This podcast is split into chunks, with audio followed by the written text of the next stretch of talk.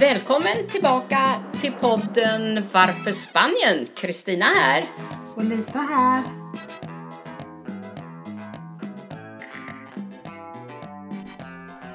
Ja, och äntligen så har solen kommit tillbaka här. Vi har ju haft några dagar med eh, regn. Eh, ja, os nej, ingen åska men storm och blåst och massor utav regn. Eh, Härligt har det ju inte varit men nu känns det så härligt igen för nu lyser solen på oss. Eller vad säger du Kristina? Och det är ju väldigt vanligt det här. Först kommer regn, lite moln så här, men de drar ju väldigt snabbt förbi. Och det är så underbart sen då att man vaknar som vi gjorde i morse. Solen skiner, du har en 5, 6, 7 grader varmare än vad du hade morgonen innan eh, när du vaknade. Och så vet man att det bara blir varmare varje, var, för varje minut som går så att säga. Det Ja. är underbart det här. Ja, och är det inte så här att man kan säga också efter regn kommer sol? Jajamensan. Så nu eh, är vi tillbaka här i vår podd med avsnitt nummer 25. 25. Dagen till ära så tänkte vi prata lite grann om kvinnomakten här i Spanien, hur, hur stark den egentligen är. Eh, med det vill jag mena, eh, i söndags så var det faktiskt en dag mot eh, kvinnoförtryck och misshandel och, och sånt. Och det kan jag säga att det var demonstrationer, parader, slagord. Jag tror i varenda stad i hela Spanien. Och när de visade det på TV så förstod man hur stark den här kvinnorörelsen är här egentligen. Eh, eh, det jag fick reda på också var att eh, under 2019 fram till nu så har det faktiskt eh, eh skett eh, tråkiga saker. 52 kvinnor har dött på grund av att de har blivit misshandlade av sina män eller partners eller någonting. Och 43 barn har blivit föräldralösa. Det var under 2019. Det är väldigt tragiskt. Det är mycket tragiskt det här. Ja, det, är det tycker väl förmodligen alla att det är tragiskt. Men då är ju frågan om hur man skulle kunna göra för att minska på den här typen av eh, våld. Ja, och eh, här i Spanien, som jag upplever det, är eh, kvinnomakten väldigt stark eh, inom polis och rättsväsende. Kvinnornas röst väger mycket tyngre än männens röst i mångt och mycket. Eh, och därför så är det lite förvånande att det blir så här många dödsfall på grund av det här. Men det kan ju också vara en situation, nu har jag ingen egen erfarenhet av det, men jag har ju hört andra berätta att eh, om man lever i ett destruktivt förhållande så blir ju det en del av det vardagliga livet så att säga. Om man accepterar mer och mer det här hotet, eh, kontrollen och allt sånt här som är av en person blir en vardag och man har till slut ingen man kan vända sig till. Och det är kanske en av orsaken att man inte fångar upp det här i tid innan det har gått för långt. Jag vet inte, jag har inga svar på det. Nej, det har ju inte jag egentligen heller. Men eftersom jag arbetar i då som ni vet med personlig utveckling och också att jag vill hjälpa till att stärka människor och hjälpa människor att leva det livet som de önskar så finns det ju några varningstecken som man skulle kunna prata lite om eh, vad det gäller när man möter en partner. Ja, så då kan man ju titta på till exempel personer som vill kontrollera. De låter, de låter inte dig gå ut. De låter inte dig träffa dina vänner, din familj. De klagar på dina intressen. Så man kan, ju, man kan ju säga så här att det finns ju varningstecken ifrån början i sådana här eh, destruktiva relationer. Och precis det du säger nu Lisa, det har jag också läst och hört. Ja. Och, och, och, och, men, men, men det är svårt, jag kan förstå om man är helt nedtryckt att det är svårt att eh, riktigt eh, veta hur man ska ta sig ur det. Och jag tror att gränsen kan vara diffus här, när det går över till att bli det här kontrollerande och våldet? Ja, för att det var ju som, det var ju som du var inne på tidigare där att vi har ju olika bakgrunder och vi har ju vuxit upp på olika sätt. Vi har ju olika förfäder som ligger i arv. Och sen har vi ju miljön vi har vuxit upp i och för, för en del av oss så eh, som har vuxit upp i den miljön så blir ju den här typen av man då som är kontrollerande och eh, ja, sociopat, narcissistisk, då blir ju den typen av mannen en miljö som vi är vana i för vi kanske har vuxit upp i den miljön. Och det är klart att hur ska vi då veta att det här är fel? För att för oss blir det ju då någonting som vi känner igen och vi tror att det ska vara så. Och jag menar nu inte, jag menar ju inte mig personligen eller någon, någon så men jag menar så här att det här är ju utbrett och det är i många fall så att vi, vi är inte uppmärksamma på att det är någonting som är fel egentligen. Nej, men då tänker jag så här. Det, det är ett fenomen det här. Och om jag då som vän, om jag ser till exempel, vi säger ta dig som exempel Lisa, att du är mer undandragande från mig, du har inte tid att träffa mig, du, du kanske, eh, om jag ser dig så kanske du döljer någonting, är nervös och flackar med blicken. och sådär. Det finns väl sådana tecken som vi som finns nära kan börja fundera över. Hur står det egentligen till med dig? Hur har du det idag? Och där tror jag nog är viktigt att vi alla har en, en stor social funktion. Ja, absolut. Och det är ju det, detta här att hjälpa varandra då eftersom att som sagt var den här kvinnan kanske inte ens är medveten om att det här är fel och att det går att göra någonting åt det och kanske också känner att hon har ingen att vända sig till. Så att det är ju självklart att genom att bry sig om varandra och se de här signalerna i tid så kan vi ju också hjälpa kvinnor givetvis. Ja, och det här gäller ju åt båda hållen så att säga. Det kan finnas också män har vi hört och det, det är samma sak där. Då ska vi också ställa ihop och se signaler. Nu, nu, nu har det varit lite ledsamheter idag med sånt här, men jag tror det är viktigt att lyfta detta ämne och att vi alla bör kunna titta på, på det här sociala ansvaret att hjälpa eh, om vi ser eh, de här signalerna som du säger. Absolut, och som sagt var, nu är det ju så att här i livet är det ju inte bara glädje utan det, det, finns ju också sorg, eller Aha, hur ja, ja, Kristina? Ja, ja. Så går det, allting som går upp måste ju också komma ner. Så är det. Det finns ju de här oskrivna lagarna på något eh, vis som vi, vi vet. Men i alla fall, vi eh, ville lyfta det här för att eh, uppmärksamma den här eh, dagen.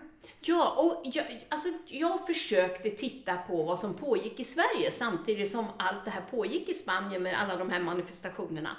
Men jag hörde ingenting eh, från, från massmedia. Och det är där jag ville belysa skillnaden också, att här i Spanien är kvinnorörelsen mycket, mycket starkare. Oavsett vilken eh, partipolitisk tillhörighet de har och så vidare. Eh, fantastiskt var det att, att se och höra alla dessa kvinnor och, och jag blev väldigt emotionellt tagen av detta. Ja, ja. Och som sagt var i Sverige får ju männen göra vad de vill med kvinnorna. För där är ju lagstiftningen mycket, mycket tunnare och eh, jag skulle önska att eh, kvinnorörelsen växer sig stark i Sverige för det här är ju helt eh, oacceptabelt. Ja, men vi säger så här. Vi lämnar det här tråkiga ämnet, men det är viktigt att belysa att vi finns här allihopa, medmänniskor för varandra och hjälpa oss ställa upp så här. Så tänkte jag ta upp en annan sak. Vet, okay. du, vad, vet du vad det var här sista november för dag? Det var ju städdagen! World's, eh, vad heter det, Cleaning Up Day. Oh, och, och jag tycker det är så tråkigt att städa. Ja, men då skulle vi ut och städa gator och torg. Det var ju det som var meningen.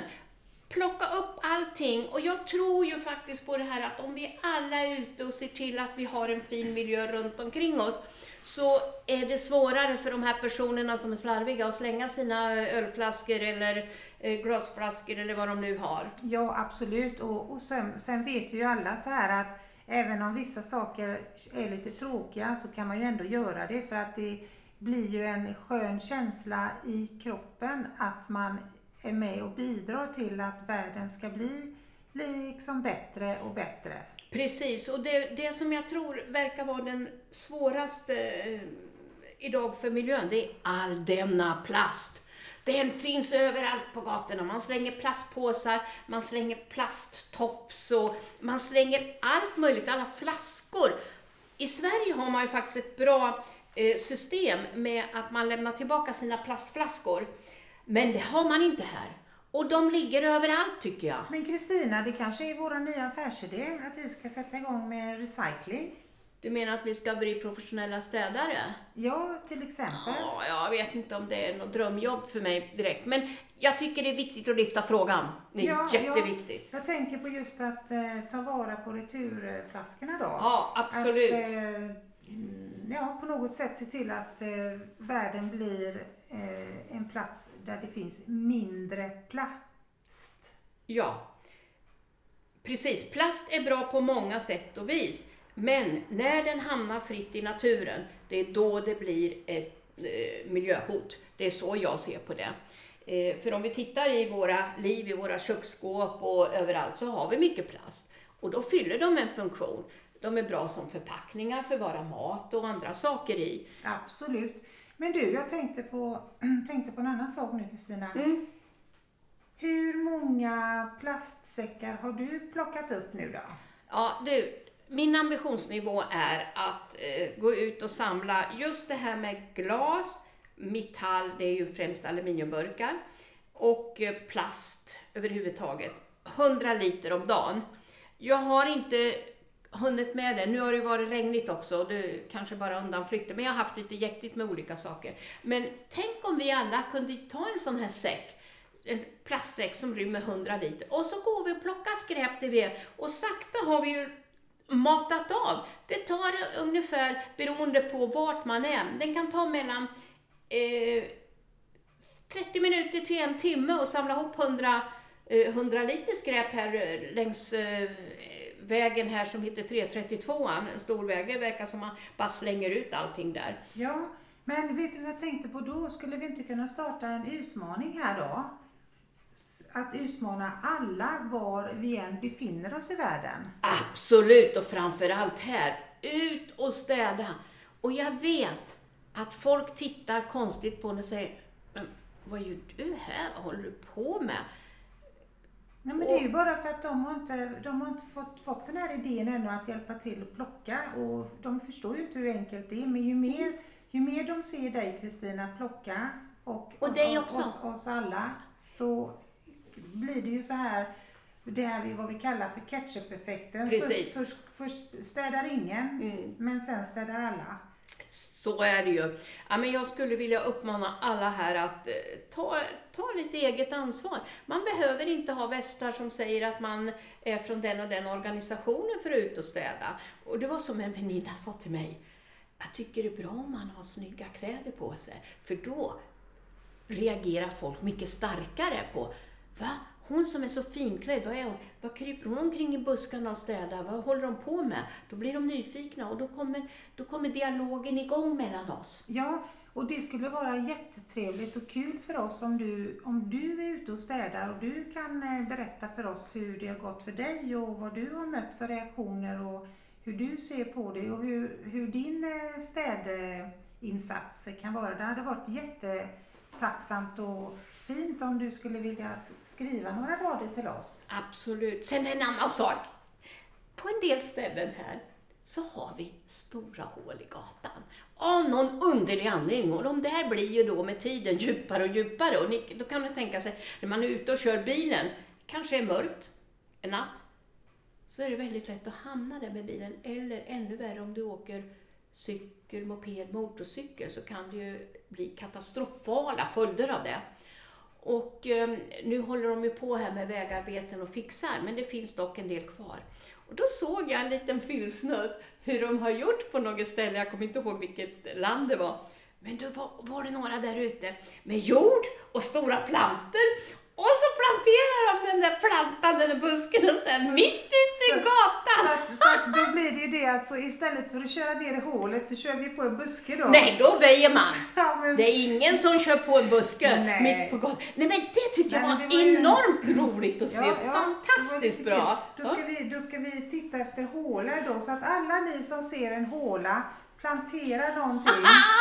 Ja, nej men det, det var faktiskt ganska eh, intressant att se. Det, jag tyckte det var eh, fyndigt faktiskt, att då markerar man verkligen att här har vi ett problem. Så eh, Alltså alla sådana här idéer för att väcka uppmärksamhet och ju tokigare idé, ju mer omtumlande blir det när man ser det, eller hur? Ja, och då börjar man fundera över, va, ska vi inte göra någonting? Va? Ja, men det är ju detta här också att vi vill ju ha mera träd på, på planeten. Och vi vill ju ha mindre, mindre plast ute i naturen. Så att det är klart att då, då gäller det ju att komma på lösningar och idéer och, och det är ju så vi funkar. Så är det, precis. Eh, ja, det finns mycket som vi kan bidra med och det finns något kinesiskt ordspråk som säger så här. Om många människor tar många små steg, då blir det ett stort steg. Ja, och det enda som behövs är ju att ta, sätta den ena foten bara framför den andra. Så är ju det första steget taget. Precis. Och låt oss följa med, för jag tror att vi alla faktiskt är engagerade och bryr oss om vår miljö. Inte bara för oss själva, vi kanske har barn eller barnbarn eller någonting, att vi ska tänka på dem och, och sådana. Och det här är ju små enkla saker. Ja, och bara det här att vi gör någonting gott för världen eller för någon eller framförallt för oss själva så ger det signaler till vårt nervsystem så att vi mår bättre av att hjälpa till. Ja, Så att det, en av de bästa sätten att må bättre är ju faktiskt att hjälpa till med olika saker. precis. Och alla kan bidra med sådana här saker. Eh, man behöver inte tänka stort när det gäller miljön, tycker jag, utan man tänker på vad kan jag bidra med? Jag, jag vill inte kasta något nå, eh, papper, plast, glas, eh, metall ute i naturen. Aldrig gjort, kommer aldrig att göra. Och, och då kan man visa det här eh, till barn och ungdomar. Eh, Och, och då blir det, jag, jag kommer ihåg den stora kampanjen i Sverige för det här. Jag tyckte den var fantastisk. Jag tror Povel Ramel sjöng om den där ta av dig skorna också, för man skulle ta av sig skorna hemma för det skulle vara rent hemma också. Så det var ju rätt så kul. Här har vi skorna på inomhus kan jag säga.